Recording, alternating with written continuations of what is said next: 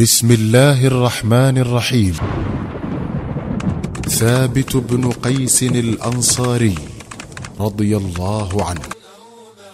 ثابت بن قيس الأنصاري سيد من سادات الخزرج المرموقين ووجه من وجوه يثرب المعدودين. وكان إلى ذلك ذكي الفؤاد حاضر البديهة رائع البيان جهير الصوت.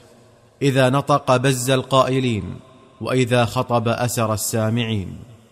وهو أحد السابقين إلى الإسلام في يثرب.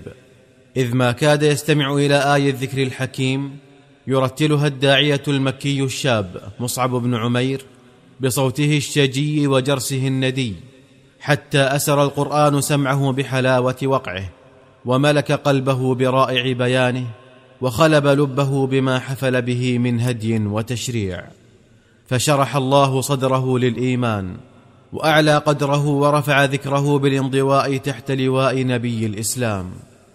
ولما قدم الرسول صلوات الله وسلامه عليه إلى المدينة مهاجرا استقبله ثابت بن قيس في كوكبة كبيرة من فرسان قومه أكرم استقبال ورحب به وبصاحبه الصديق أجمل ترحيب وخطب بين يديه خطبة بليغة.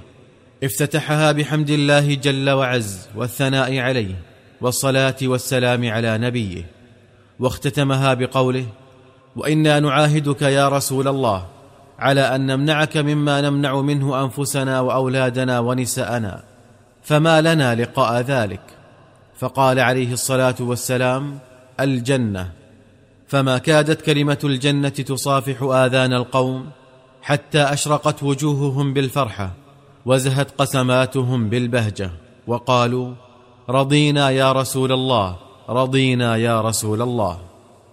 ومنذ ذلك اليوم جعل الرسول صلوات الله وسلامه عليه ثابت بن قيس خطيبة كما كان حسان بن ثابت شاعره.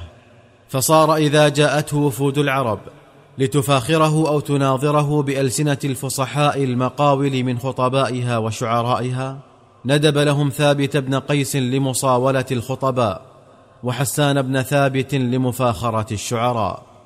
ولقد كان ثابت بن قيس مؤمنا عميق الإيمان تقيا صادق التقوى شديد الخشية من ربه عظيم الحذر من كل ما يغضب الله جل وعز. فلقد رآه رسول الله صلوات الله وسلامه عليه ذات يوم هلعا جزعا. ترتعد فرائصه خوفا وخشيه فقال ما بك يا أبا محمد؟ فقال أخشى أن أكون قد هلكت يا رسول الله. قال ولم؟ قال لقد نهانا الله جل وعز عن أن نحب أن نحمد بما لم نفعل وأجدني أحب الحمد ونهانا عن الخيلاء وأجدني أحب الزهو. فما زال الرسول صلوات الله وسلامه عليه يهدئ من روعه حتى قال يا ثابت ألا ترضى أن تعيش حميدا وتقتل شهيدا وتدخل الجنه فأشرق وجه ثابت بهذه البشرى وقال بلى يا رسول الله بلى يا رسول الله.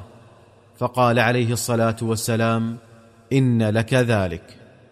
ولما نزل قوله جل شأنه يا أيها الذين آمنوا لا ترفعوا أصواتكم فوق صوت النبي ولا تجهروا له بالقول كجهر بعضكم لبعض. ولا تجهروا له بالقول كجهر بعضكم لبعض أن تحبط أعمالكم وأنتم لا تشعرون. تجنب ثابت بن قيس مجالس رسول الله صلى الله عليه وسلم على الرغم من شدة حبه له وفرط تعلقه به ولزم بيته حتى لا يكاد يبرحه إلا لأداء المكتوبة. فافتقده النبي صلوات الله وسلامه عليه وقال من يأتيني بخبره؟ فقال رجل من الأنصار أنا يا رسول الله. وذهب إليه فوجده في منزله محزونا منكسا رأسه فقال ما شأنك يا أبا محمد؟ قال شر. قال وما ذاك؟ قال إنك تعرف أني رجل جهير الصوت. وأن صوتي كثيرا ما يعلو على صوت رسول الله صلى الله عليه وسلم. وقد نزل من القرآن ما تعلم. وما أحسبني إلا قد حبط عملي وأنني من أهل النار. فرجع الرجل إلى الرسول صلوات الله وسلامه عليه وأخبره بما رأى وما سمع. فقال اذهب إليه وقل له لست من أهل النار ولكنك من أهل الجنة. فكانت هذه بشارة عظمى لثابت ظل يرجو خيرها طوال حياته. وقد شهد ثابت بن قيس مع رسول الله صلى الله عليه وسلم المشاهد كلها سوى بدر وأقحم نفسه في غمار المعارك طلبا للشهادة التي بشره بها النبي. فكان يخطئها في كل مرة وهي قاب قوسين منه أو أدنى. إلى أن وقعت حروب الردة بين المسلمين ومسيلمة الكذاب على عهد الصديق رضي الله عنه. وقد كان ثابت بن قيس إذ ذاك أميرا لجند الأنصار وسالم مولى أبي حذيفة أميرا لجند المهاجرين وخالد بن الوليد قائدا للجيش كله أنصاره ومهاجريه ومن فيه من أبناء البوادي. ولقد كانت الريح والدولة في جل المعارك لمسيلمة ورجاله على جيوش المسلمين. حتى بلغ بهم الأمر أن اقتحموا فسطاط خالد بن الوليد وهموا بقتل زوجته أم تميم وقطعوا حبال الفسطاط ومزقوه شر ممزق. فرأى ثابت بن قيس يوم ذاك من تضعضع المسلمين ما شحن قلبه أسا وكمدا وسمع من تنابزهم ما ملأ صدره هما وغما. فأبناء المدن يرمون أهل البوادي بالجبن وأهل البوادي يصفون أبناء المدن بأنهم لا يحسنون القتال ولا يدرون ما الحرب. عند ذلك تحنط ثابت وتكفن ووقف على رؤوس الأشهاد وقال يا معشر المسلمين ما هكذا كنا نقاتل مع رسول الله صلى الله عليه وسلم؟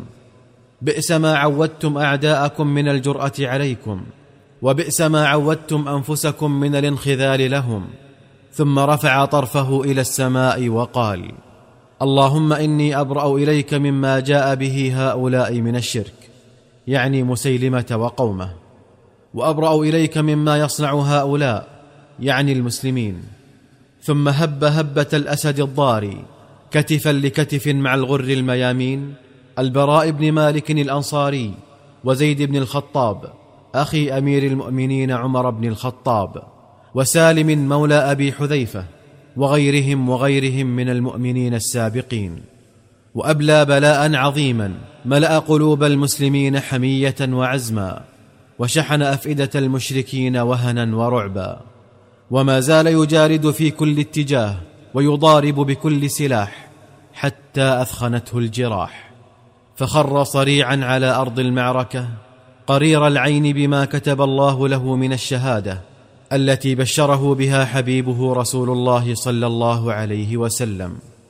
مثلوج الصدر بما حقق الله على يديه للمسلمين من النصر. وكانت على ثابت درع نفيسة فمر به رجل من المسلمين فنزعها عنه وأخذها لنفسه. وفي الليلة التالية لاستشهاده رآه رجل من المسلمين في منامه فقال للرجل أنا ثابت بن قيس فهل عرفتني؟ قال نعم. فقال إني أوصيك بوصية فإياك أن تقول هذا حلم فتضيعها.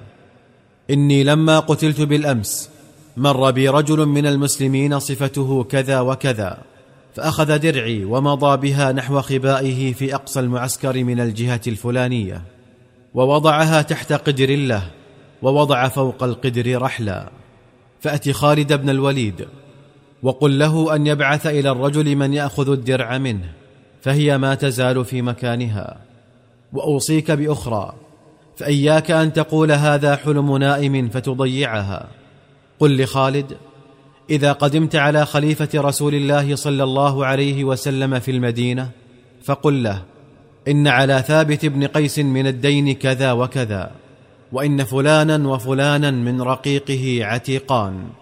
فليقض ديني وليحرر غلامي. فاستيقظ الرجل فأتى خالد بن الوليد فأخبره بما سمع وما رأى. فبعث خالد من يحضر الدرع من عند آخذها فوجدها في مكانها وجاء بها كما هي. ولما عاد خالد إلى المدينة حدث أبا بكر رضي الله عنه بخبر ثابت بن قيس ووصيته فأجاز الصديق وصيته. وما عرف أحد قبله ولا بعده أجيزت وصيته بعد موته سواه. رضي الله عن ثابت بن قيس وأرضاه وجعل في أعلى عليين مثواه. ما أجيزت وصية امرئ أوصى بها بعد موته سوى وصية ثابت بن قيس.